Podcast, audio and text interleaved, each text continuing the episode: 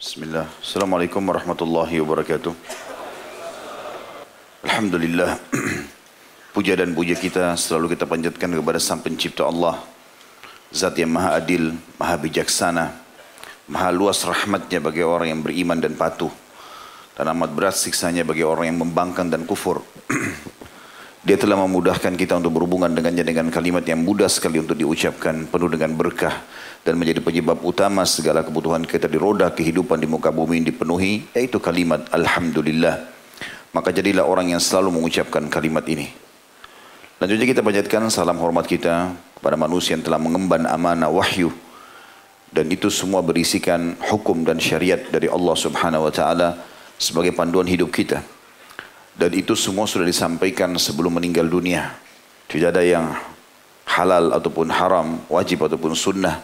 Kecuali semua sudah disampaikan. Dan untuk balas jasa, kita diperintahkan oleh Allah SWT untuk mengucapkan salam hormat kepadanya. Selain daripada juga menjadikannya sebagai suri tauladan.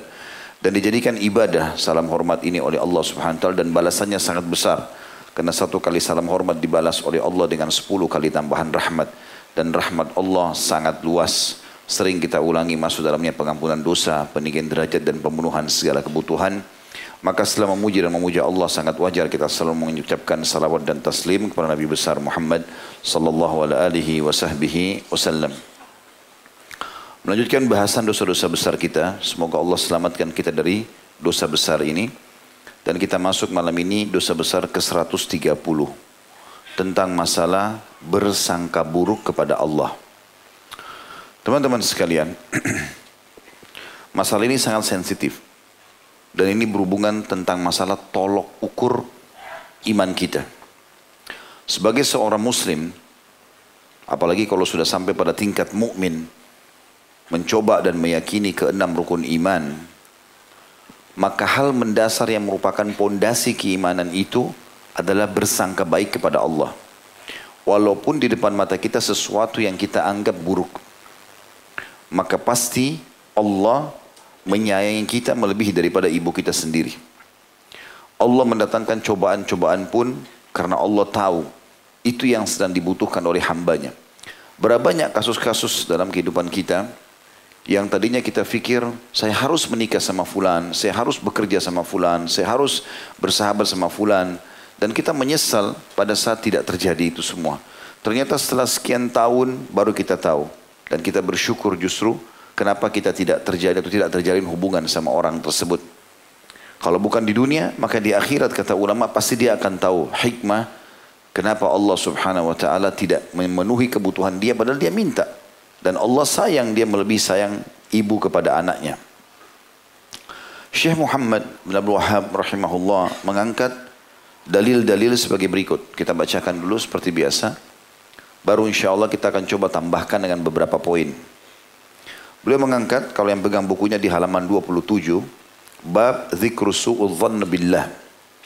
Bab penyebutan buruk sangka terhadap Allah. Diangkat firman Allah dalam surah Al-Imran 154.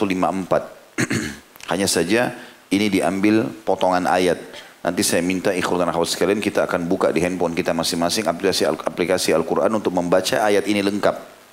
Potongan ayatnya adalah A'udzu billahi minasyaitonir rajim yadhunnuna billahi ghairal haqqi dhannal jahiliyah. Mereka menyangka dengan prasangkaan yang tidak benar terhadap Allah seperti sangkaan jahiliyah. Apa yang Allah maksudkan di sini? Coba kita lihat kembali, kita buka ya. Ayat Al-Qur'an ini Al-Imran dan kita mulai baca di ayat 152-nya. أعوذ بالله من الشيطان الرجيم.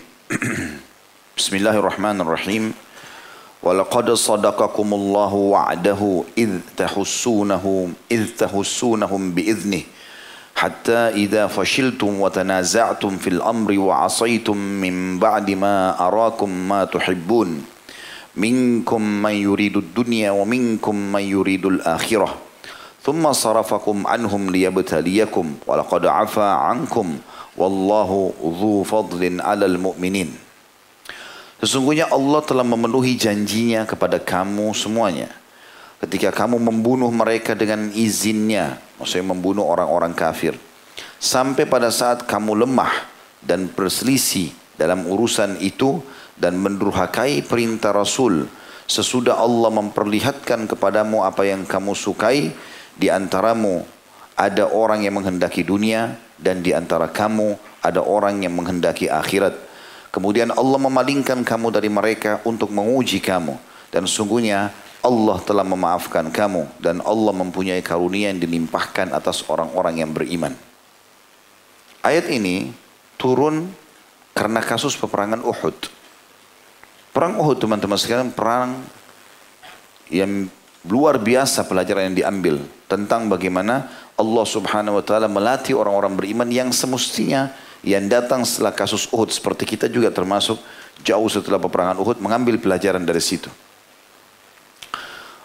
Masyarakat muslimin pada saat itu yang ikut berperang bersama Nabi SAW dilarang untuk sebagian besar mereka turun dari gunung pemanah. Yang saya pernah jelaskan sekitar 50 orang pemanah yang Nabi SAW taruh di sana. Kemudian setelah itu mereka turun pada awal peperangan karena melihat kaum musyrikin sudah lari meninggalkan harta-harta benda mereka, mereka meninggalkan kancah peperangan sampai-sampai wanita-wanita mereka pun ditinggalkan. Sementara tradisi orang Arab di zaman jahiliyah pun itu mereka sangat peduli dengan kaum wanita mereka. Sampai-sampai mereka harus mati dulu baru perempuannya bisa direbut oleh orang lain. Dan itu ada kental sekali pada mereka. Tapi pada saat perang Uhud karena kacau balunya pasukan Quraisy, karena sebelas kali bendera perang mereka jatuh. Dan sebelas-sebelasnya pemegang bendera mereka terbunuh di tangan Hamzah radhiyallahu dan teman-temannya. Maka pada saat itu mereka kocar kacir dan Allah SWT memberikan kita kemenangan di awal. Dan wasiat Nabi SAW kepada para pemanah jangan turun dari bukit. Walaupun kalian melihat kemenangan di tengah-tengah kami. Sampai ada instruksi dari aku kata Nabi SAW. Tapi ternyata Abdullah bin Jubair radhiyallahu anhu pemimpin dari 50 orang ini itu sudah mengingatkan ada 43 dari prajuritnya yang turun. Jangan Rasulullah SAW melarang kita. Enggak, enggak apa-apa kan sudah menang. Lihat enggak ada musuh. Kata mereka gitu. Udah enggak ada musuh. Tapi Rasulullah larang, tetap enggak boleh. Mereka tidak mau dengar. Mereka turun 43 orang. Ternyata ada Khalid bin Walid waktu itu masih dalam keadaan kafir. Manuver dari belakang gunung pemanah membunuh tujuh orang ini termasuk Abdullah bin Jubair dan kemudian kembali menyerang muslimin. Dan pada saat itu kancah peperangan kondisinya di tengah-tengah kancah peperangan itu ada muslimin sekitar 650 649 orang tepatnya atau 600 um, ya 647 orang tepatnya karena Nabi SAW bersama Abu Bakar dan ada juga Talha itu bersama Nabi SAW di belakang bukit atau di sekitar bukit Uhud. Mereka sebagian besar lari mengejar pasukan Quraisy yang 2800 melarikan diri dan banyak korban antara Quraisy. Maka mereka sibuk dengan mengejar musuh mereka, tapi 200 pasukan Habib Walid ini pakai kuda dan mereka adalah pasukan inti Quraisy sebenarnya. Karena orang kalau berkuda seperti mobil tank zaman sekarang, itu kemudian menyerang dari belakang dan banyak korban di antara muslimin terjadi. Dan ini karena maksiat kepada Rasul. Rasul sudah larang gitu. Perhatikan firman Allah di sini. Sungguhnya Allah telah memenuhi janjinya kepada kamu. Siapa para sahabat. Ketika kamu membunuh mereka dengan izinnya. Kalah orang-orang Quraisy di awal peperangan. Sampai pada saat kamu lemah dan berselisih dalam urusan itu. Maksudnya tadi pemanah. Jangan turun, bapak-bapak turun dan seterusnya. Dan mendurhakai perintah Rasul. Sesudah Allah memperlihatkan kepadamu apa yang kau sukai. Sebenarnya makna ayat ini, kalau kalian tidak turun dari gunung pemanah tidak terjadi kekalahan. Kalian akan lanjut dengan kemenangan tersebut. Di antara kamu ada orang yang menghendaki dunia. Maksudnya mau ngumpulin ghanimah, harta rampasan perang. Padahal sebenarnya hukum syar'i pun kalau kita sudah menang dari dalam peperangan kita kumpulin kita nggak boleh ambil diserahkan kepada panglima perang, nanti panglima perang yang akan membagi, gitu ya. Kalau ada yang mengambil, namanya gulul, mengambil harta rampasan perang tanpa dibagi, penyebab masuk neraka. Karena ada pernah sahabat begitu, namanya kir-kira. Orang ini kerjanya mengangkat pelanah kuda Nabi dinaikkan di atas pelanah, dia mempersiapkan Nabi sampai naik ke atas kuda untuk berperang. Waktu dia lagi turunkan pelanah kuda Nabi waktu istirahat, rupanya dia kena panah musuh, mati. Para sahabat mengatakan berita gembira dia masuk surga nih. Mati syahid lagi peperangan. Kata Nabi SAW tidak. Satu lembar kain sapu tangan yang dia ambil secara gal. Gal itu maksudnya mengambil mencuri tadi dari harta kadima. Cukup membuatnya masuk ke dalam api neraka. Jadi nggak boleh. Tapi ternyata ada di antara orang di situ disebutkan ada di antara kalian mau dunia dan ada di antara kalian yang mau menghendaki akhirat. Maksudnya adalah orang yang tetap bertahan di atas bukit tadi. Kemudian Allah memalingkan kamu dari mereka untuk menguji kamu. Maka datanglah pembunuhan umat-umat Islam umat Islam pada saat itu dan sungguhnya Allah telah memaafkan kamu. Tapi karena mereka menyadari kesadarannya, akhirnya mereka bertobat kepada Allah dan Allah mempunyai karunia yang dilimpahkan atas orang-orang beriman. 153-nya. Kita belum sampai ke saksi bahasan ya. Saya baca dua ayat sebelumnya, nanti kita akan sampai di 154 insya Allah. 153, إذ تصعدون ولا تلؤون على أحد والرسول يدعوكم في أخراكم والرسول يدعوكم في أخراكم فعثابكم غما بغم لكي لا, لكي لا تحزنوا على ما فاتكم ولا ما أصابكم والله خبير بما تعملون Ingatlah ketika kamu lari dan tidak menoleh kepada seorang pun sedang Rasul berada di antara kawan-kawanmu yang lain memanggil kamu. Karena itu Allah menimpahkan atas kamu kesedihan di atas kesedihan. Supaya kamu jangan bersedih hati terhadap apa yang luput dari apa daripada kamu. Atau apa yang luput darimu. Maksudnya kemenangan. Dan terhadap apa yang menimpa kamu. Allah maha mengetahui apa yang kamu kerjakan. Sekarang kita masuk ke saksi bahasan kita 154-nya. ثم أنزل عليكم من بعد الغم عملة نعاسا يغشى طائفة منكم وطائفة قد أهمتهم أنفسهم يظنون بالله غير الحق ظن الجاهلية. Ini saksi bahasan kita. يظنون بالله غير الحق ظن الجاهلية. يقولون هل لنا من الأمر من شيء؟ قل إن الأمر كله لله. يخفون في أنفسهم ما لا يبدون لك يقولون لو كان لنا من الأمر شيء ما قتلنا هنا قل لو كنتم في بيوتكم لبرز الذين كتب عليهم القتل إلى مضاجعهم وليبتلي الله ما في صدوركم وليمحص ما في قلوبكم والله عليم بذات الصدور Kemudian setelah kamu berduka cita, Allah menurunkan kepada kamu keamanan berupa kantuk yang meliputi segolongan daripada kamu. Dan ini mengantuk di medan perang adalah rahmat Allah. Karena orang kalau mengantuk rasa takutnya hilang. Fikirannya adalah ingin tidur. Dan itu terjadi juga pada saat di perang Badr. Allah subhanahu wa ta'ala menurunkan amanatan nu'asa. Artinya ngantuk yang membuat orang sampai sahabat yang berjaga malam itu sebelas kali jatuh pedang dari tangannya karena tidur. Padahal dia berjaga-jaga gitu ya. Ini sebagai bentuk kasih sayang Allah kepada para mujahidin. Dikatakan kemudian setelah kamu berduka cita Allah menurunkan kepada kamu keamanan atau dalam bentuk kantuk yang meliputi segolongan dari kamu. Sedang segolongan lagi telah dicemaskan oleh diri mereka sendiri. Mereka menyangka yang tidak benar terhadap Allah seperti sangkaan jahiliyah. Jadi ada di antara kamu setelah itu aman. Dia kembali kepada keimanannya, taubat kepada Allah, lalu dia merasa tentram. Udah, apa yang Allah janjikan pasti benar. Allah janjikan menang orang beriman akan menang. Udah dia berpegang pada itu. Tapi ada juga yang tidak. Mereka menyangka jahiliyah. Apa sangka jahiliyah mereka berkata, apakah ada bagi kita barang sesuatu hak cam atau hak campur tangan dalam urusan ini? Jadi mereka seakan-akan ya menyangka buruk kepada Allah di sini. Bukan seakan-akan memang mereka sangka buruk. Bahwasanya memang Allah sudah takdirkan kita mati kok. Kita kalah kok. Seperti itulah. Katakanlah sesungguhnya urusan itu seluruhnya di tangan Allah. Mereka menyembunyikan dalam hati mereka, hai Muhammad, apa yang tidak mereka terangkan kepadamu. Mereka berkata, sekiranya ada bagi kita barang sesuatu atau hak campur tangan dalam urusan ini, niscaya kita tidak akan dibunuh atau dikalahkan di sini. Di sini sangka buruknya.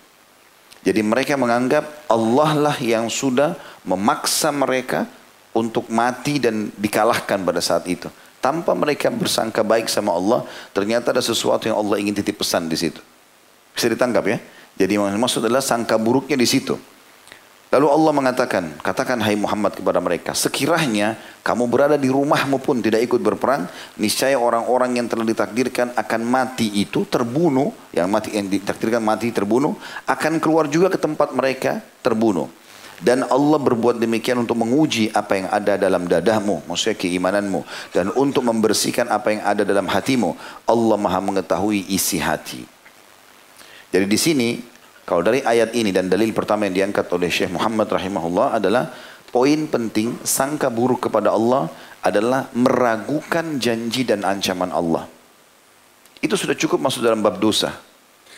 Jadi kuncinya kita harus bersangka baik kepada Allah dalam setiap keadaan. Walaupun depan mata kita sesuatu yang kita anggap tidak baik.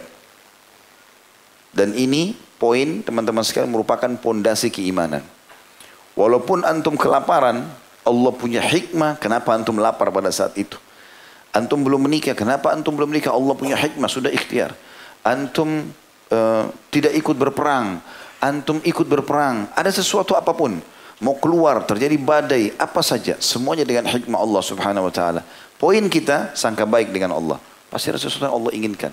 Dan Allah lebih tahu daripada kita. Ibnu Qayyim rahimahullah menitik beratkan poin itu sambil mengatakan, orang atau perumpamaan orang yang minta kepada Tuhannya, lalu belum dikasih. Maka perumpamannya seperti anak kecil yang minta sama orang tuanya, tetapi dia minta keburukan. Dia tidak ngerti, orang tuanya ngerti. Misal, dia bilang, bu atau ayah izinkan saya berteman sama fulan. Kita sebagai orang tuanya tahu temannya ini buruk. Pasti akan narkotika, pasti akan berzina. Kira-kira kita sebagai orang tua izinkan dah anak kita pergi. Walaupun dia ngerengek, walaupun dia minta-minta. Dia tidak ngerti. Dia pikir ini cuma teman. Oke, okay, saya pergi fun-fun, jalan-jalan segala macam. Tapi dia nggak tahu bahayanya. Kita sebagai orang tua nggak, nak jangan. Kita tetap ngotot, tidak boleh. Maka Ibnu Qayyim memberikan perumpamaan. Tidak disamakan Allah SWT dengan makhluk manusia. Tapi dia memberikan perumpamaan supaya mudah difahami. Allah sangat sayang dengan kita. Kalau sama orang tua saya kita minta, orang tua kita umumnya memenuhi kebutuhan kita, maka Allah lebih menyayangi kita daripada orang tua kita. Dan itu sumpah Nabi SAW.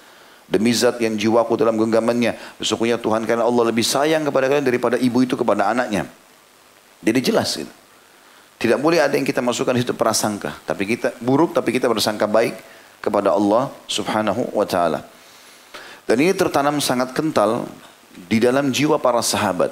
Tentu ada di antara mereka yang baru masuk Islam, akhirnya menjadi pelajaran seperti dalam ayat ini. Tapi ada di antara mereka yang luar biasa. Saya pernah sampaikan di salah satu ceramah dulu, kisah Abu Kilabah radhiyallahu anhu.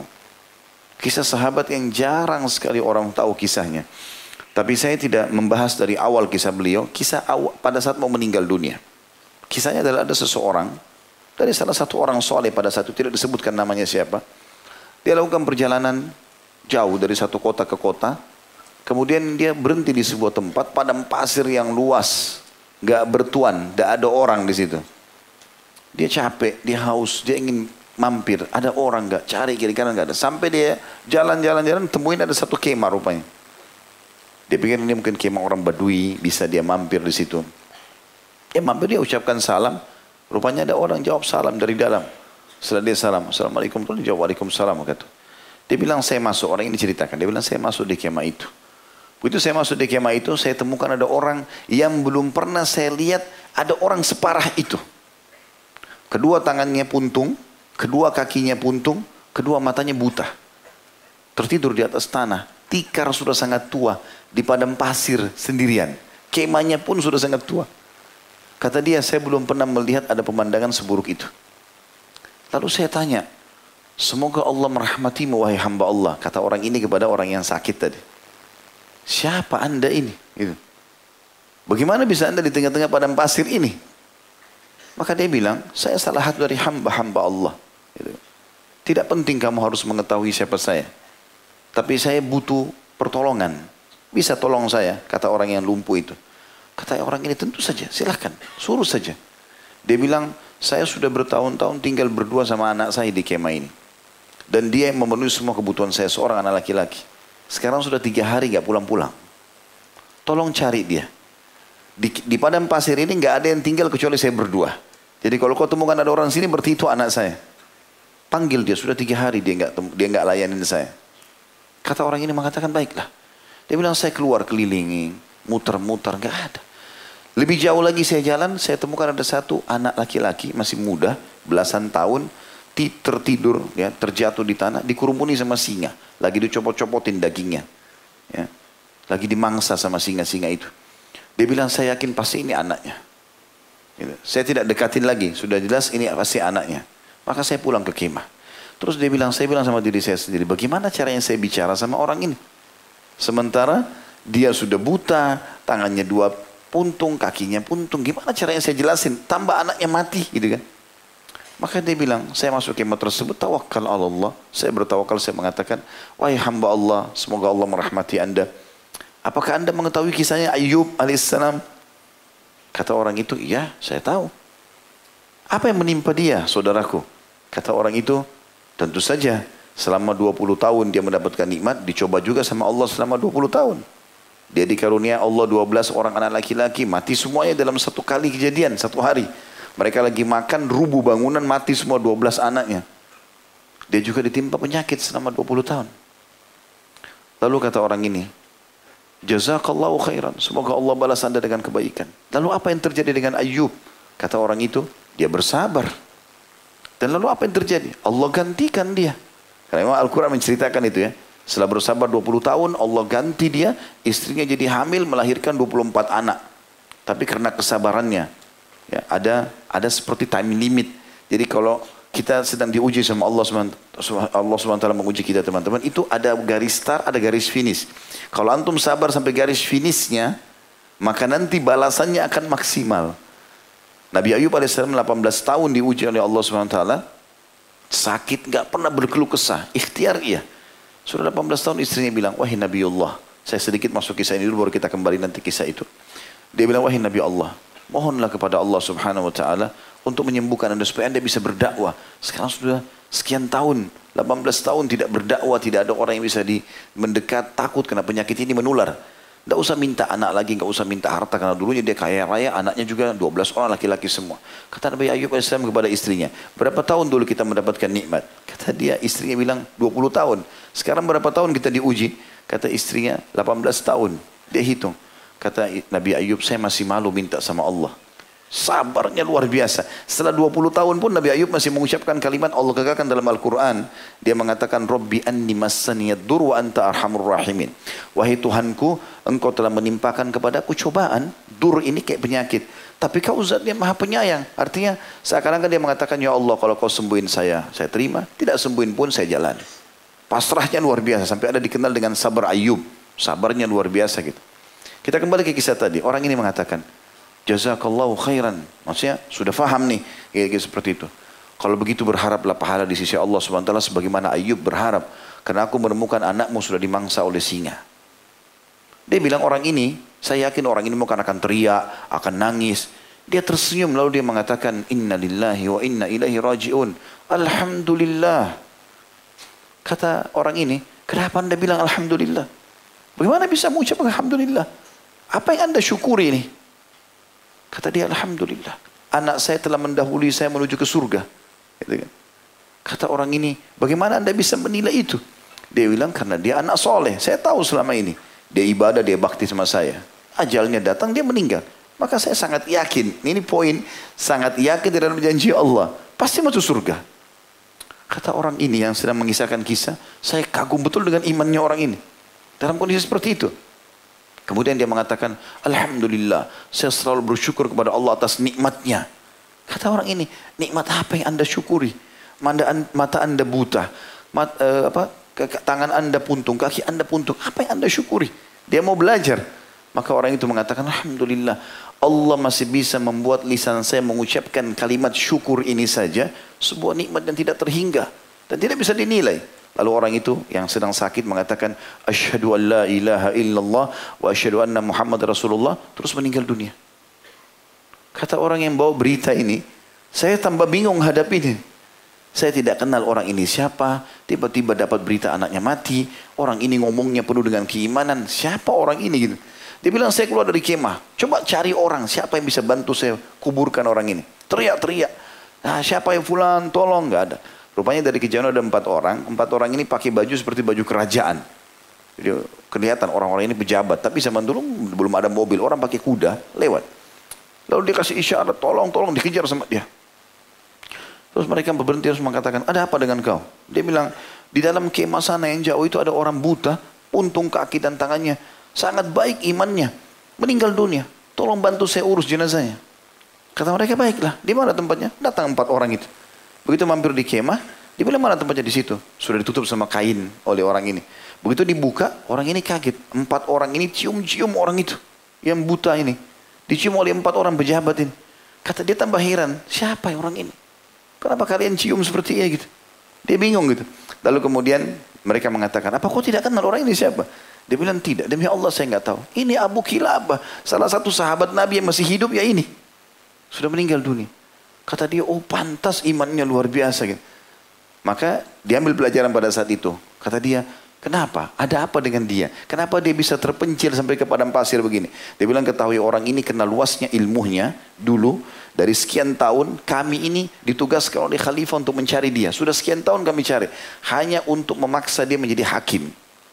Tapi dia melarikan diri, tidak mau, takut nanti kena hisab hari kiamat. Maka diurus ya jenazah orang tersebut. Tapi teman-teman, ambil pelajaran dari Abu Kilabah radhiyallahu anhu. Bagaimana sangka baiknya sama Allah. Kaki tangannya dua puntung, tangannya puntung. Tangan kakinya nggak ada, matanya buta, masih bisa. Alhamdulillah. Itu luar biasa. Ini yang saya bilang tadi, ini pondasi keimanan. Kapan kita arungi kehidupan muka ini teman-teman dengan sangka baik seperti ini sama Allah, pasti semuanya jadi baik kehidupan kita. Walaupun apa saja, sampai ulama mengatakan mau keluar rumah hujan. Oh berarti Allah uh, sedang bersangka baik, sedang menginginkan saya tidak keluar. Oh begini, oh Allah lagi begini. Dia sangka baik terus, semuanya kesangkaan baik sama dia. Itu yang dimaksudkan dengan ayat ini. Dan sebaliknya teman-teman. Kapan kita membuka pintu sangka buruk, hati-hati. Ancamannya sangat berat. Ini bahasan kita. Allah akan memberikan kita sesuai dengan prasangkaan kita. Kasus orang-orang munafik, nanti akan kita baca ayatnya ya. Allah subhanahu wa ta'ala menyiksa mereka karena sangka buruk mereka kepada Allah. Kita bacakan dalilnya habis ini. Saya baca dulu surah Fussilat dalil kedua yang diangkat oleh Syekh Muhammad rahimahullah. Adalah firman Allah, A'udzubillahi minasyaitonirrajim, Fussilat 23. وذلكم ظنكم الذي ظننتم بربكم أرداكم فأصبحتم من الخاسرين dan demikian itu adalah prasangkaan kalian yang telah kalian sangkakan kepada Rob kalian. dia telah membinasakan kalian, maka jadilah kalian termasuk orang-orang yang rugi. Ya. Coba silakan dibuka surah Fussilat dulu. Kita baca dari ayat 18. Fussilat 18 supaya connect ayatnya. Sudah buka? Baik. A'udzubillahi minasyaitonirrajim. Wa najjayna alladhina amanu wa kanu yattaqun. Dan kami pasti akan selamatkan orang-orang yang beriman dan mereka adalah orang-orang yang bertakwa. Ini nggak boleh ragu teman-teman. Kapan antum beriman kepada Allah Subhanahu Wa Taala dan antum sudah mengerjakan perintah Allah, nggak boleh ada keraguan. Amal itu diterima dan saya akan masuk surga. Nggak boleh ragu. Sebagaimana Allah mengatakan di ayat 19-nya, wa yauma yuhsyaru a'da a'da'ullahi wa yauma yuhsyaru a'da'ullahi ilan nari fahum yuzaun. Dan ingatlah ketika hari musuh-musuh Allah digiring ke dalam neraka dan mereka dikumpulkan semuanya. Kata ulama tafsir, pasti orang kafir, munafik, musyrik yang sudah Allah ancam pasti kena. Tidak ada keraguan masalah itu. Ayat 20 hatta idza ma ja'uha syahida alaihim sam'uhum wa absaruhum wa juluduhum bima kanu ya'malun sehingga apabila mereka sampai ke neraka pendengaran, penglihatan dan kulit mereka menjadi saksi terhadap mereka tentang apa yang telah mereka kerjakan. Ayat 21, wa qalu li junudihim lima syahidtum alaina Qalu antaqana Allahu alladhi antaqa kulla syai'in wa huwa khalaqakum awwala marratin wa ilaihi turja'un. Lalu mereka orang-orang kafir ini berkata kepada kulit-kulit mereka sendiri, "Mengapa kamu menjadi saksi terhadap kami?" Maka kulit mereka menjawab, Allah yang telah menjadikan segala sesuatu pandai berkata, telah menjadikan kami pandai pula berkata. Dan dialah yang telah menciptakan kamu yang pertama kali dan hanya kepadanya lah kamu dikembalikan ayat 22-nya wa ma kuntum tastatiruna an yashhada alaikum sam'ukum wala absarukum wala walakin dhanantum anna Allah la ya'lamu katsiran mimma ta'malun. Kamu sekali-kali tidak dapat bersembunyi dari kesaksian pendengaran penglihatan dan kulitmu kepadamu. Bahkan kamu mengira bahwa Allah tidak mengira tidak mengetahui kebanyakan dari apa yang kamu kerjakan. Ini poin yang kedua dari sangka buruknya orang kepada Allah. Dia berpikir apa yang dia kerjakan Allah nggak tahu. Sehingga akhirnya dia berbuat semaunya. Allah nggak akan hukum. Dia sembunyi tidak ada yang tahu. Padahal sebenarnya Allah SWT mengetahui dan menyaksikan semua. Ini bentuk sangka buruk yang kedua. Sangka buruk yang pertama tadi, ragu dengan masalah janji Allah dan juga ancaman Allah SWT. Maka Allah mengatakan ayat 23 ini saksi bahasan kita. وَذَلِكُمْ ظَنُّكُمُ الَّذِي ظَنَنْتُمْ بِرَبِّكُمْ أَرْدَاكُمْ فَأَصْبَحْتُمْ مِنَ الْخَاسِرِينَ Dan yang demikian itu adalah perasaan kamu yang telah kamu sangka kepada Tuhanmu. Dia telah membinasakan kamu. Karena itu Allah hukum kalian, maka jadilah kamu termasuk orang-orang yang rugi. Jadi ternyata karena prasangkah mereka kepada Allah subhanahu wa ta'ala yang tidak benar, masa sih tangan bisa bicara hari kiamat, telinga bisa jadi saksi, mata bisa jadi saksi, nggak mungkin. Ini pertanyaan-pertanyaan tanda-tanda orang munafik ya. Orang beriman teman-teman, masuk akal, nggak masuk akal, saya beriman. Itu Abdullah bin Mas'ud katakan tentang Abu Bakar radhiyallahu anhu majma'in. Kan beliau mengatakan, kami nggak bisa dibedakan sama Abu Bakar dari sisi sholat. Sama Abu Bakar sholat, kami sholat. Abu Bakar puasa, kami puasa. Dia sedekah, ya kami sedekah. Dia jihad, ya kami jihad. Tapi kami tidak bisa menyama, menyamai Abu Bakar. Apalagi melebihi dari sisi keyakinannya. Allah sama Rasulnya bilang ayah, ah, nggak ada sama sekali keraguan. Benar-benar salah salah dan semuanya sangka baik, gitu kan? Makanya pernah saya ceritakan yang serigala berbicara kepada orang Badui. Waktu orang Badui itu lagi kehilangan dicuri satu ekor domba oleh serigala di Madinah, di luar Madinah. Kemudian dikejar sama dia, dipukul serigala itu, dombanya lepas. Serigala itu bicara pakai bahasa manusia. Dalam riwayat sahih. Apa yang dikatakan? Kenapa kau mengambil rezeki yang sudah Allah kasih untukku? Kata orang Badui ini, bagaimana bisa serigala bahasa manusia?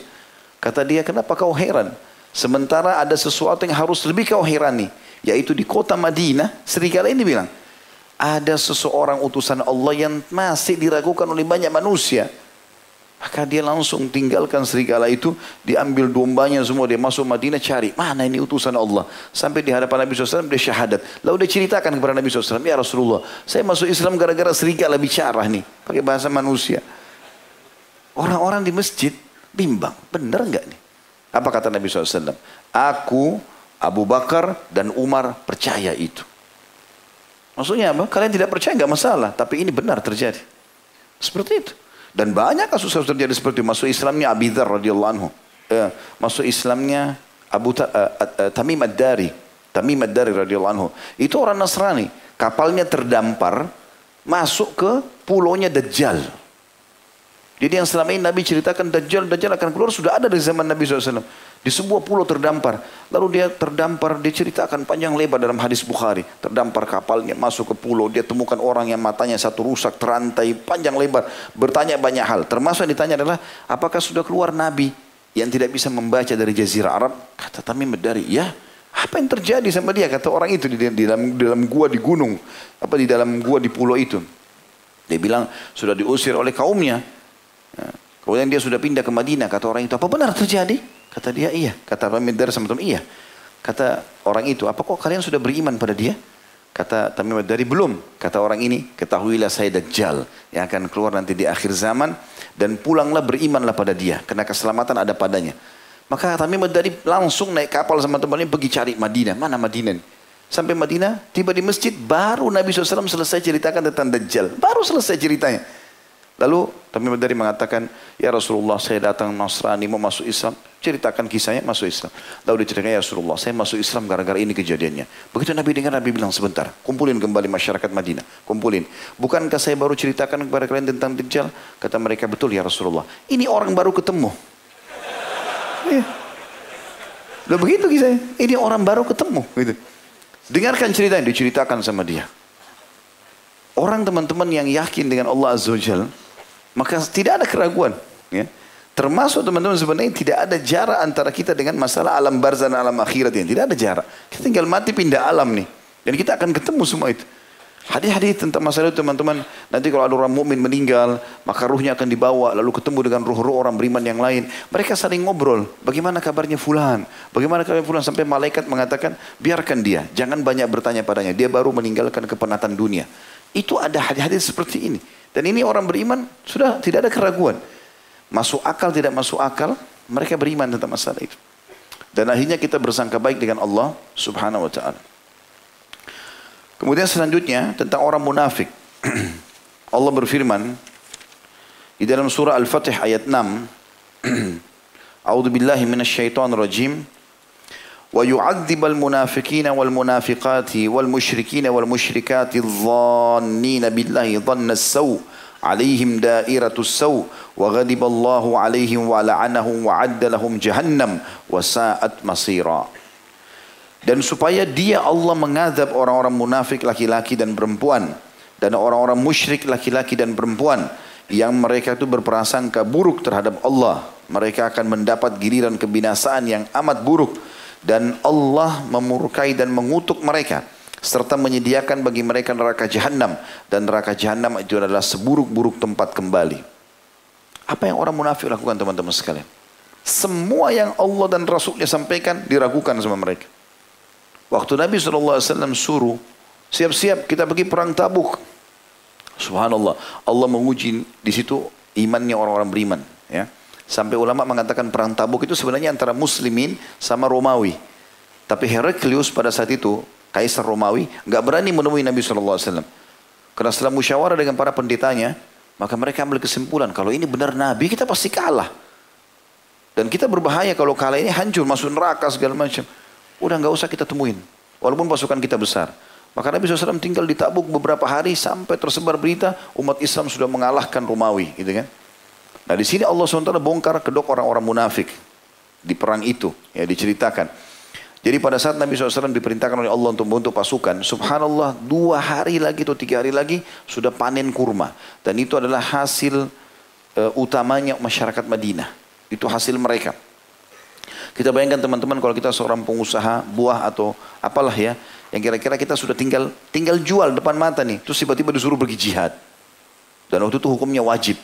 Gak boleh tidak boleh satupun muslim yang mampu di Madinah sudah balik tinggal. Kecuali punya udur syar'i. Dan kita sudah tahu kisah tentang beberapa sahabat yang malah dihardik oleh Allah Subhanahu wa taala, disuruh Nabi SAW memboikot sampai 50 hari. Kisah Ka'ab bin Malik dan teman-temannya, ya kan? Itu semua diboikot oleh Nabi SAW sampai salam pun tidak dijawab gara-gara tidak ikut perang tabuk karena wajibnya pada saat itu. Yang terjadi teman-teman, orang-orang mukmin pada saat diperintahkan semuanya tinggalkan, kebun kurmanya ditinggal, istrinya, anaknya ditinggal, sampai para sahabat menggambarkan waktu itu mereka sudah tinggal pasang tikar-tikar. Kalau sudah mau panen kurma, mereka pasang tikar-tikar di bawah pohon kurma, tinggal nunggu nikmatin kurma itu turun karena manisnya dan kurma banyak sekali. Lagi lagi puncak-puncaknya. Pada saat itu disuruh pergi jihad. Yang terjadi, semua pasukan muslimin pergi. Apa kata orang-orang munafik? Muhammad ini ngajak-ngajak orang berperang di musim panas. Gitu. Memang tidak ada waktu lain. Gitu. Kenapa harus di musim panas? Ini kan panas. Lalu mereka mulai pergi kepada orang beriman. Ini orang munafik ini kayak satu kelompok mereka datang. Kenapa mau pergi perang? Gak usah. Kenapa mau perang? Gak usah. Dilemahkan imannya orang beriman. Tapi mereka tidak digubris. Allahu alam kalau anda sama antum pada saat itu. Mungkin kita ikut-ikutan tidak. Tapi pada saat itu subhanallah sahabat tidak mau dengar. Enggak, enggak peduli. Oh ini munafik, enggak dipedulikan. Pergi. Tinggalin semuanya. Enggak ada urusannya. Dunia ini enggak ada urusan bagi mereka. Pergilah. Subhanallah Allah SWT turunkan untuk mereka mengatakan. Kenapa kita keluar di panas hari? Kata Allah SWT. Hai Muhammad bilang sama mereka. Kul naru jahannam asyaddu harra. Katakanlah neraka jahannam lebih panas daripada itu. Waktu pasukan perang pulang dan ternyata menang. Maka mereka kaget. Oh ternyata bisa menang. Nah mereka menang gini-gini. Sama waktu perang Khaybar juga begitu.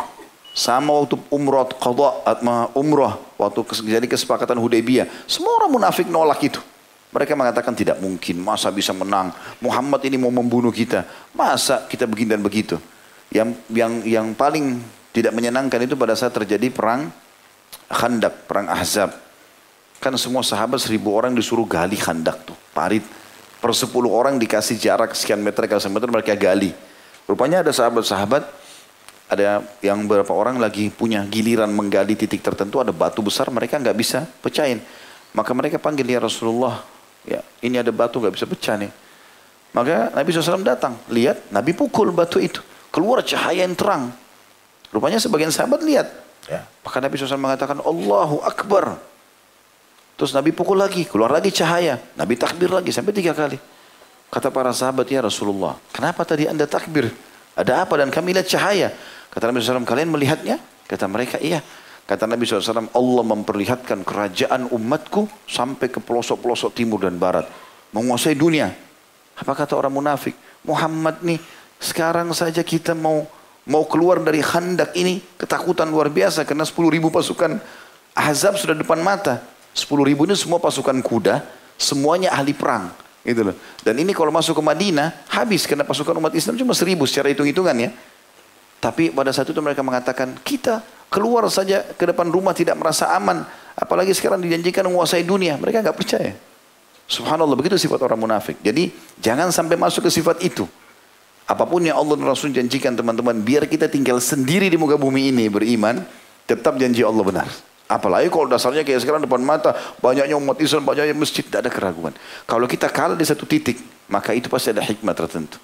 Tidak mungkin tidak. Maka sangka baik dengan Allah, itu bahasannya. Saya bacakan dulu baru kita break sholat insya Allah. Lalu Syekh Muhammad mengangkat riwayat hadis Ibnu Umar radhiyallahu beliau mengatakan akbarul kabair su'ul dhannu billah. Rawahu Ibnu Mardawai. Dosa paling besar adalah bersangka buruk kepada Allah. Ini ada putnot nomor 21 dikeluarkan oleh Ad-Dailami dalam Musnad Al-Firdaus jadi satu halaman 364 tapi hadis ini didhaifkan oleh Syekh Albani. Tapi umumnya ya ada ulama yang berpegang pada hadis ini termasuk Syekh Muhammad sendiri. Juga Jabir radhiyallahu anhu meriwayatkan bahwasanya aku mendengar Rasulullah SAW bersabda sebelum wafat beliau tiga hari, la yamutanna ahadukum illa wa huwa yuhsinu dhannu billah atau yuhsinu dhanna billah. Akhrajahu Bukhari wa Muslim. Janganlah salah seorang dari kalian meninggal dunia kecuali keadaan bersangka baik kepada Allah. Luas maknanya hadis ini. Maksudnya, kalau kau sudah beriman muslim, yakin kau akan masuk surga. Mumpung kau belum meninggal, ucapkan syahadat. Jangan berpikir teman-teman syaitan bisikin, akhir kalimat la Allah masuk surga. Masa sih? Benar enggak saya kalau ucapin la Allah masuk surga? Lo begitu perkataan Nabi SAW, enggak boleh ragu. Gitu kan? Itu yang dimaksud dalam bahasan kita. Ibnu Abi Dunya juga menambahkan, fa inna qauman ardahum su'a dhannihim billah, faqala tabaraka wa ta'ala wa dzalikum dhannukum alladhi dhanantum bi rabbikum ardakum fa asbahtum minal khasirin. Sesungguhnya satu kaum telah dibinasakan oleh buruk sangka mereka terhadap Allah. Kemudian Allah Tabaraka Ta'ala berfirman, itulah prasangkaan kalian yang kalian sangka kepada Rabb kalian. Maka itu membinasakan kalian. Jadilah kalian termasuk orang-orang yang merugi. Hadis riwayat Ahmad nomor 14.775 tentunya. Dan dalam riwayat kedua, Al-Bukhari Muslim dari Abu Hurairah anu beliau mengatakan kalau Allah Ta'ala ana inda dhanni abdi bi Allah Ta'ala telah berfirman aku menurut prasangkaan hambaku kepadaku Hadis sahih riwayat Bukhari nomor 7505 dan Muslim 2675. Lalu ditambah riwayat Ahmad dan Ibn Hibban, tambahannya menjelaskan kepada kita. Prasangka apa yang Allah suruh dan apa yang dilarang. Inna kata Nabi SAW, in nabi. Ini Allah berfirman hadis Qudsi. In nabi khairan falahu. Wa in syarran falahu. Kalau dia menyangka baik kepadaku kata Allah, maka baginya kebaikan. Oh hikmahnya saya nggak nikah sama orang ini, nggak kerja di sini, nggak begini dan begitu, atau saya lagi sakit ini, selalu pasti ada sesuatu yang Allah mau berikan kepada saya. Sangka baik, Allah kasih sangka baik itu. Dan kalau dia menyangka buruk, maka baginya keburukan itu. Jadi ini hadis riwayat Ahmad dan disahihkan oleh Al-Bani nomor 8833. Ini bahasan kita insya Allah akan ada beberapa poin saya tambahkan tapi insya Allah setelah sholat sebelum pertanyaan nanti berhubungan dengan penjelasan yang lebih lanjut ini. Allahu alam. Begitu saja. Subhanakallahumma bihamdika. Asyhadu an la ilaha illa anta astaghfiruka wa atubu ilaik. Wassalamualaikum warahmatullahi wabarakatuh. Bismillah. Assalamualaikum warahmatullahi wabarakatuh. Alhamdulillah wassalatu wassalamu ala Rasulillah. Segala puji dan puja kehadirat Allah Subhanahu wa taala juga salawat dan taslim kepada Nabi besar Muhammad sallallahu alaihi wasallam.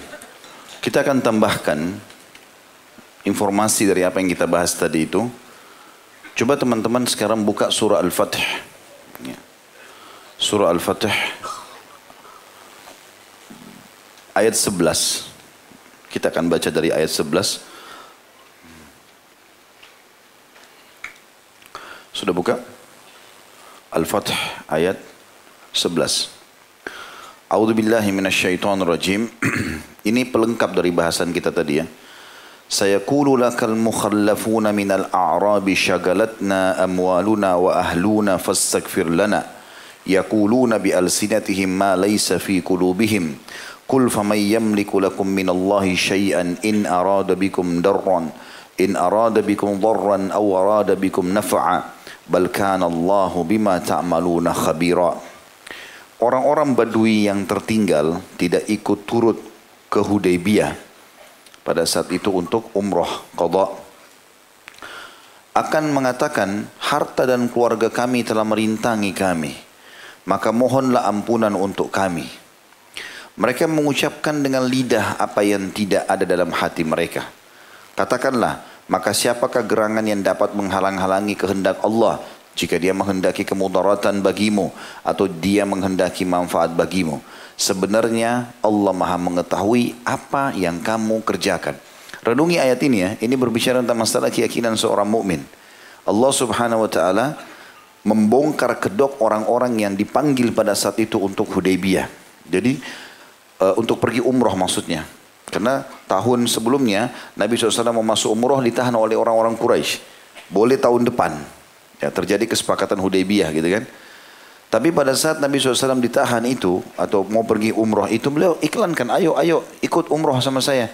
Tapi ada di antara orang di Madinah itu khawatir.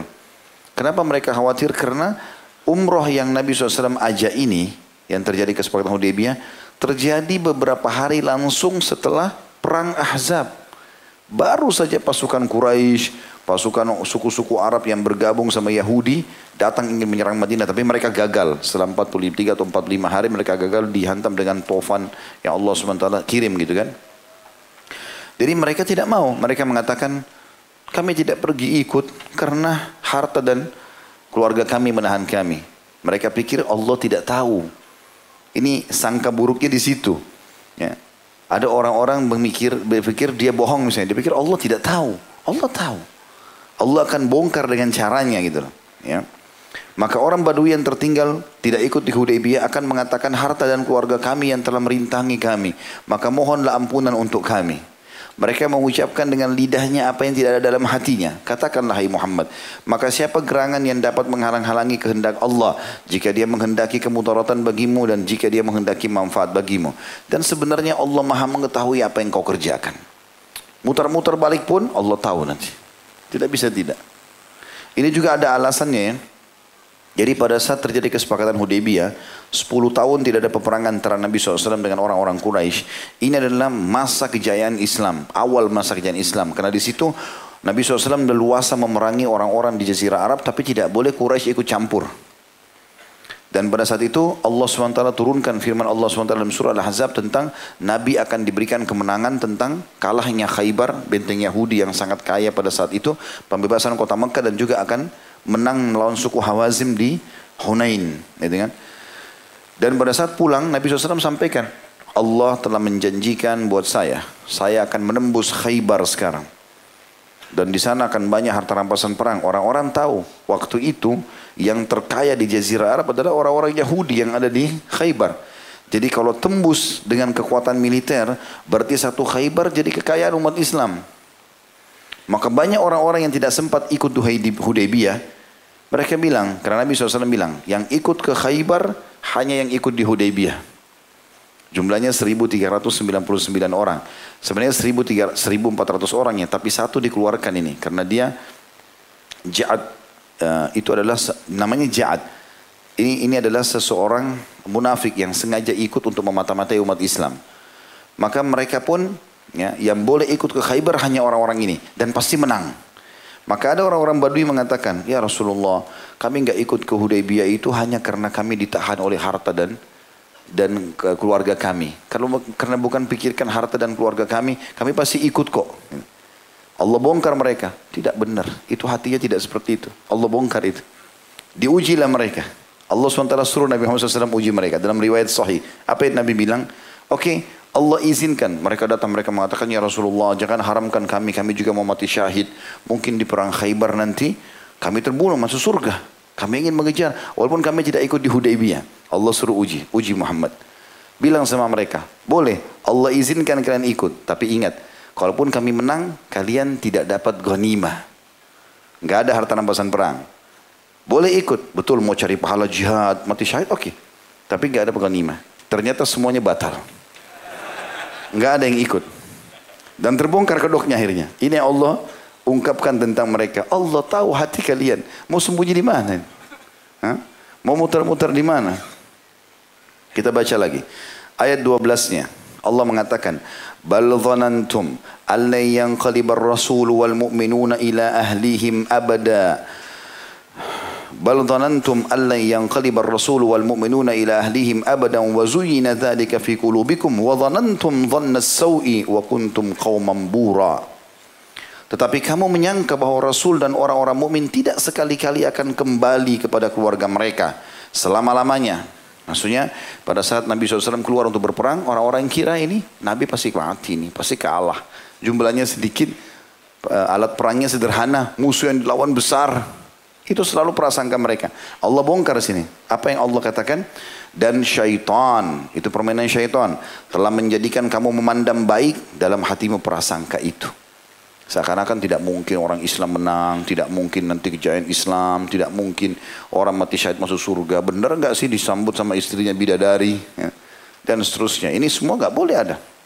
Syaitan telah menjadikan kamu mandang baik dalam hatimu prasangka itu dan kamu telah menyangka dengan sangkaan yang buruk terhadap Allah dan kamu menjadi kaum yang binasa. Ayat 13-nya Allah mengatakan, "Wa man lam yu'min billahi wa rasulihi fa inna a'tadna lil kafirina sa'ira." Barang siapa yang tidak beriman kepada Allah dan Rasulnya. Allah sudah mengatakan menang. Enggak. Allah bilang masuk surga. Enggak. Allah bilang orang kafir masuk neraka. Enggak. Bimbang semua. Barang siapa yang tidak beriman kepada Allah dan Rasulnya. Maka sungguhnya kami menyediakan untuk orang-orang kafir itu neraka yang menyala-nyala. Lalu ayat 14-nya Allah mengatakan, "Walillahi mulkus samawati wal ard, yaghfiru liman yasha wa yu'adzibu man yasha, wa, wa kana Allahu ghafurur rahima." Ketahuilah hanya kepunyaan Allah lah kerajaan langit dan bumi. Tidak usah takut, tidak usah khawatir selama hubungan kita sama Allah baik. Dia memberikan ampunan kepada siapa yang dia kehendaki dan mengadab siapa yang dikehendakinya dan Allah Maha Pengampun lagi Maha Penyayang. Ini ayat agung sekali teman-teman sekalian. Bagaimana menggambarkan apa yang kita bahasakan tadi itu. Ya. Ada seorang salafus saleh. Ini sebenarnya termasuk kisah klasik yang dulu saya pernah sampaikan di awal-awal ceramah.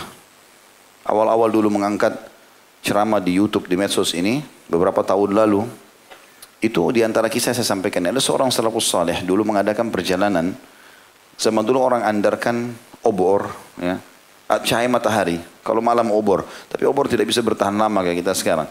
Umumnya kalau malam mereka jalan tanpa penerangan, meraba-raba. Andarin cahaya bulan gitu. Jadi orang jalan pagi sampai maghrib.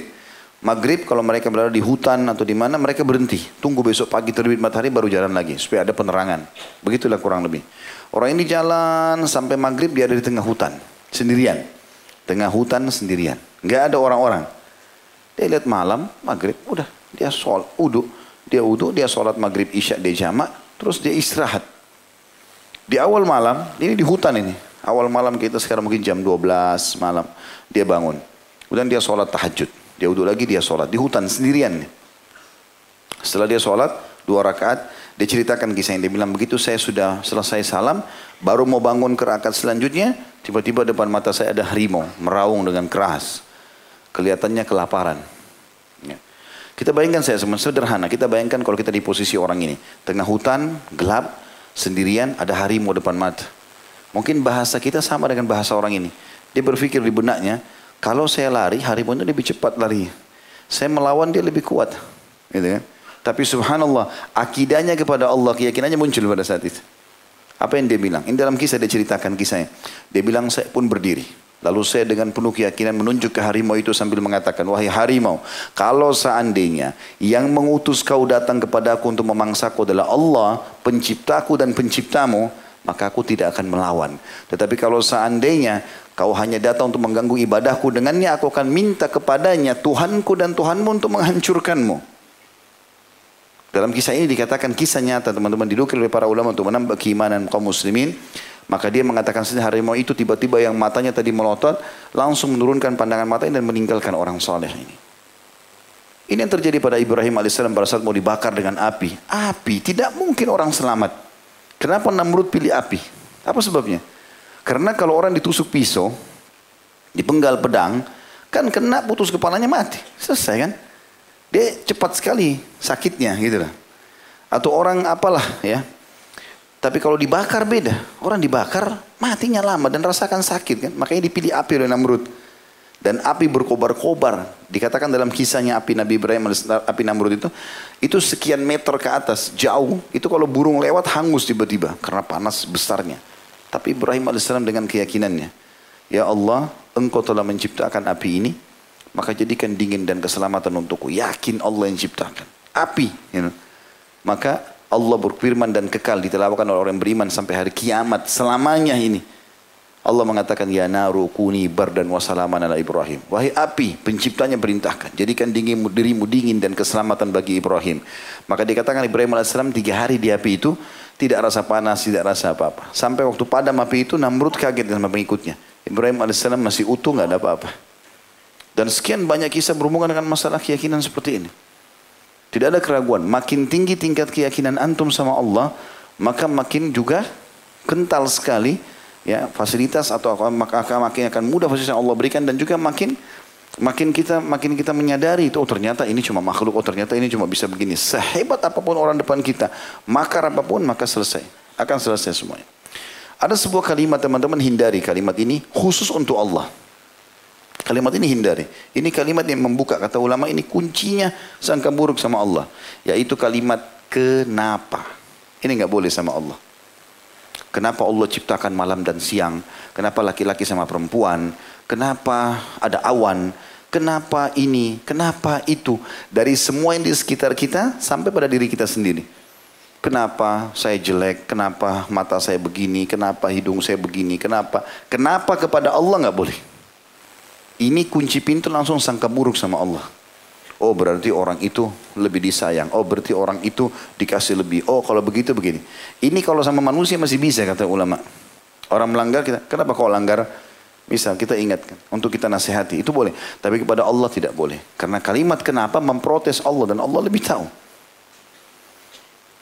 Ada sebuah tulisan ditulis oleh, saya, saya lihat ya sepintas, ini ditulis dalam artikel Al-Manhaj, dan saya lihat sangat bagus. Dinukil sebuah judul buruk sangka kepada Allah. Saya ingin baca buat antum sekalian. Tulisan Ismail bin Marshud bin Ibrahim Ar-Rumaih. Kata beliau berburuk sangka kepada Allah merupakan bukti kelemahan iman dan bodohnya seseorang terhadap hak Allah serta tidak memberi pengagungan yang pasta yang pantas untuknya atau kepadanya dengan sebaik-baik pengagungan. Sebagian orang menyangka Allah sebagaimana menyangka makhluk bahwa Allah tidak mampu mengabulkan segala keinginannya sehingga dia tidak memohon kepada Allah kecuali sedikit sekali. Maha tinggi Allah dari apa yang mereka sangka. Allah Maha Kuasa atas segala sesuatunya. Dan apabila dia menghendaki sesuatu, dia hanya mengatakan jadilah, maka terjadilah. Dan dia zat yang maha mulia, memberi segala sesuatu kepada semua hambanya, hingga kepada hamba yang durhaka sekalipun. Sebaiknya, sebaliknya, seseorang harus bersang, berbaik sangka kepada Allah dan memohon kepadanya segala sesuatu serta jangan menganggap ada sesuatu yang sulit bagi Allah. Gak ada yang sulit dan tidak ada mustahil. Allah Maha Kuasa mengabulkan permohonan hambanya. Sebuah hadis dari Abi Dzar radhiyallahu anhu bahwa Nabi SAW bersabda, Allah yang eh, Nabi SAW bersabda artinya Allah berfirman, wahai hambaku, seandainya orang terdahulu dan sekarang baik dari jin maupun manusia berkumpul di satu tempat kemudian mereka semua memohon kepadaku dan aku kabulkan seluruh permohonan mereka. Jadi bukan cuma sekedar antum minta kaya minta sembuh minta jodoh ini kecil sekali. Allah mengatakan dalam hadis kudsi ini kalau seluruh jin dan manusia yang pertama saya ciptakan sampai yang terakhir Semuanya berkumpul di sebuah lembah. Lalu semuanya memohon apa yang mereka inginkan. Dan aku kabulkan semuanya. Maka demikian itu tidak mengurangi sama sekali dari perbendaharaanku atau kekayaanku. Melainkan seperti berkurangnya air laut tak kala jarum dicelupkan ke dalamnya. Jarum dicelupkan diangkat di laut. Ah, tidak ada airnya yang terangkat. Hadis sahih riwayat muslim. Juga Aisyah berkata radhiyallahu anha bahwasanya Nabi SAW bersabda, berharaplah yang banyak besar sama Allah. Karena sesungguhnya kamu akan meminta kepada Tuhanmu. Apa saja minta kepada Allah Subhanahu wa taala. Tentunya ada batasan. Hadis ini sahih diriwayatkan Baihaqi. Maaf, disebutkan oleh Al-Baghawi dan Al-Haythami. Juga Tabarani disebutkan. Al-Baghawi mengatakan bahwa maksudnya adalah berharap dalam hal yang mubah baik tentang urusan dunia ataupun akhirat. Hendaknya setiap keluhan, permohonan dan harapan diajukan kepada Allah sebagaimana firman-Nya dalam surah An-Nisa ayat 32 yang artinya dan mohonlah kepada Allah sebagian dari karunia-Nya. Bukan berarti kita boleh berharap mendapatkan harta atau nikmat orang lain dengan unsur hasad dan dengki. Jelas itu dilarang oleh Allah Subhanahu wa taala sebagaimana An-Nisa 32 yang artinya dan janganlah kamu iri hati terhadap apa yang dikaruniakan Allah kepada sebagian kamu lebih banyak dari sebagian yang lainnya. Maksudnya minta walaupun mustahil di mata kita, yang penting sesuatu yang tidak bentrok dengan sunnatullah. Misalnya sunnatullah itu pagi dan siang, malam ya. Tidak bisa kita minta ya Allah hilangkan malam. Kan? Sunnatullah. Atau Allah ciptakan laki-laki perempuan. Kita bilang ya Allah hilangkan perempuan. Misal. Atau hilangkan laki-laki. Enggak mungkin. Sunnatullah. Atau ya Allah hilangkan kematian. Enggak mungkin. Karena itu sudah sistem yang Allah buat. Enggak bisa. Selama ini bukan ini yang tu minta. Juga bukan hasad, iri. Ingin berharap supaya nikmat Allah kepada orang lain pindah. Maka Allah akan kasih. Seperti artinya bukan haram untuk minta. Allah kasih semua. Tidak ada yang mustahil. Kalau kita baru order, baru minta sekali sama Allah belum dikasih, minta dua kali, minta tiga kali. Dan seterusnya. Salah satu ulama kita pernah mengata, berkata, dia bilang saya pernah ambil pelajaran waktu saya pergi menuju ke masjid. Kemudian saya melihat ada anak kecil, rupanya dimarahi sama ibunya. Kemudian setelah itu dia dikeluarkan dari pintu rumah oleh ibunya. Dia bilang, saya pulang dari masjid, saya lihat anak itu menang, tertidur depan pintu. Dan ternyata ibunya bukain pintu lalu digendong, dimasukkan ke dalam. Kata dia subhanallah, saya ambil pelajaran. Andai saja semua orang muslim memahami bahwasanya kalau dia berbuat seperti anak kecil itu kepada ibunya, biar dia diusir, tetap saja dia merengek dan menangis, maka akan datang kepadanya kasih sayang itu. Cuma seseorang kadang-kadang tidak bersangka baik kepada Allah. Jadi hati dengan kalimat tadi, kenapa teman-teman ya? Kenapa Allah uji saya? Kenapa saya begitu dan begitu? Padahal Allah lebih tahu masalah itu. Allah subhanahu wa ta'ala lebih tahu. Dinukil sebuah kisah, jadi luar dari artikel ini ya. Bahwasanya ada seorang dulu orang saleh. Dia menjalankan salah satu doa yang sering dia ucapkan kalimat khairan insya Allah. Semoga Allah jadikan baik. Apa saja datang berita kepada dia, khairan insya Allah, khairan insya Allah. Berdoa sama Allah mudah-mudahan jadi baik. Jadi selalu Allah jadikan baik. Dia rupanya jadi penasehat seorang raja. Ini kisah saja ya. Rupanya raja ini pernah jalan ke satu safar, kemudian di tengah jalan diserang oleh perampok. Dan rupanya perampok sempat memotong jari kelingkingnya raja itu. Putus jarinya, tapi dia selamat. Waktu dia pulang dia cerita sama penasehatnya ini. Kejadian begini. Dalam kondisi jarinya raja putus ya. Maka kata penasehatnya, khairan insya Allah. Mudah-mudahan jadi baik. Rajanya marah. Kok bisa jari saya putus, kok bilang khairan insya Allah. Maka dia bilang, saya menjalankan itu. Di penjara sama raja. Gara-gara dia seakan-akan raja menganggap kok kenapa jari saya putus malah dibilang khairan insya Allah seakan-akan itu kebaikan gitu kan. Berjalan waktu. Sekian waktu setelah itu rupanya raja ini adakan lagi perjalanan. Dengan hikmah Allah di tengah jalan ditangkap lagi oleh perampok, tapi perampok yang berbeda. Dan perampok ini itu membunuh semua orang yang ada di, mengambil sebagai budak semua orang ada di situ kecuali raja. Kenapa? Karena jarinya tidak ada. Semua yang sempurna dirampok, dijual jadi budak. Maka raja ini pun pulang ke istananya sendirian dia, pengawalnya semua habis, dia pulang lalu dia bebaskan penasihat tersebut. Dia mengatakan sekarang saya baru tahu ternyata memang ini juga baik Allah sudah lakukan. Bayangkan jarinya putus ada hikmah yang akan datang terjadi nanti. Allah kasih yang kita tidak tahu. Seperti itu luar biasa cara memahami bersangka baik dengan Allah subhanahu wa ta'ala. Abu Hurairah berkata radhiyallahu anhu bahwasanya Nabi SAW bersabda, jika kalian berdoa perbanyak keinginan kalian, Terus tamak dengan rahmat Allah. Kasih ya Allah, minta ya Allah apa saja. Sebab Allah tidak menganggap besar terhadap pemberiannya. Apa pun yang kalian minta kecil bagi Allah. Tapi Allah mau melihat. Dan ada hadis mulia juga. Ini hadis ini tentu riwayat Ahmad dan Tabarani. Dan kata para ulama ada hadis yang lain tentunya yang mengatakan kalau seandainya Allah mencintai seorang hamba atau Allah maaf kalau Allah mendengarkan doa yang indah dari seorang hamba maka Allah menerlambatkan jawabannya. Loh kok bisa? Kalau kita bilang ya Allah, zat yang telah menciptakan malam dan siang, zat yang telah mengizinkan aku untuk mengucapkan kalimat ini, yang mengizinkan aku mengangkat tangan ini, yang aku yakini sebagai pencipta langit dan bumi. Kita puji-puji Allah Subhanahu wa taala. Kemudian kita membacakan salawat kepada Nabi SAW. Lalu kita ucapkan doa-doa dengan santun. Kata Nabi SAW, kalau Allah mendengar doa yang indah dari hambanya, Allah menerlambatkan jawabannya. Kenapa? Agar hamba tersebut, kata Nabi SAW, tetap dalam doanya. Supaya dia maksimal dapat pahala. Hari kiamat, kalau dia lihat pahala doa yang Allah tunda dua tiga hari, seminggu, sebulan itu, maka dia berharap seluruh umurnya dia berdoa. Sangka baik teman-teman kepada Allah SWT. Belum dikasih, selama bukan haknya orang lain tadi, ya bukan juga merubah sunnatullah yakin Allah akan kasih.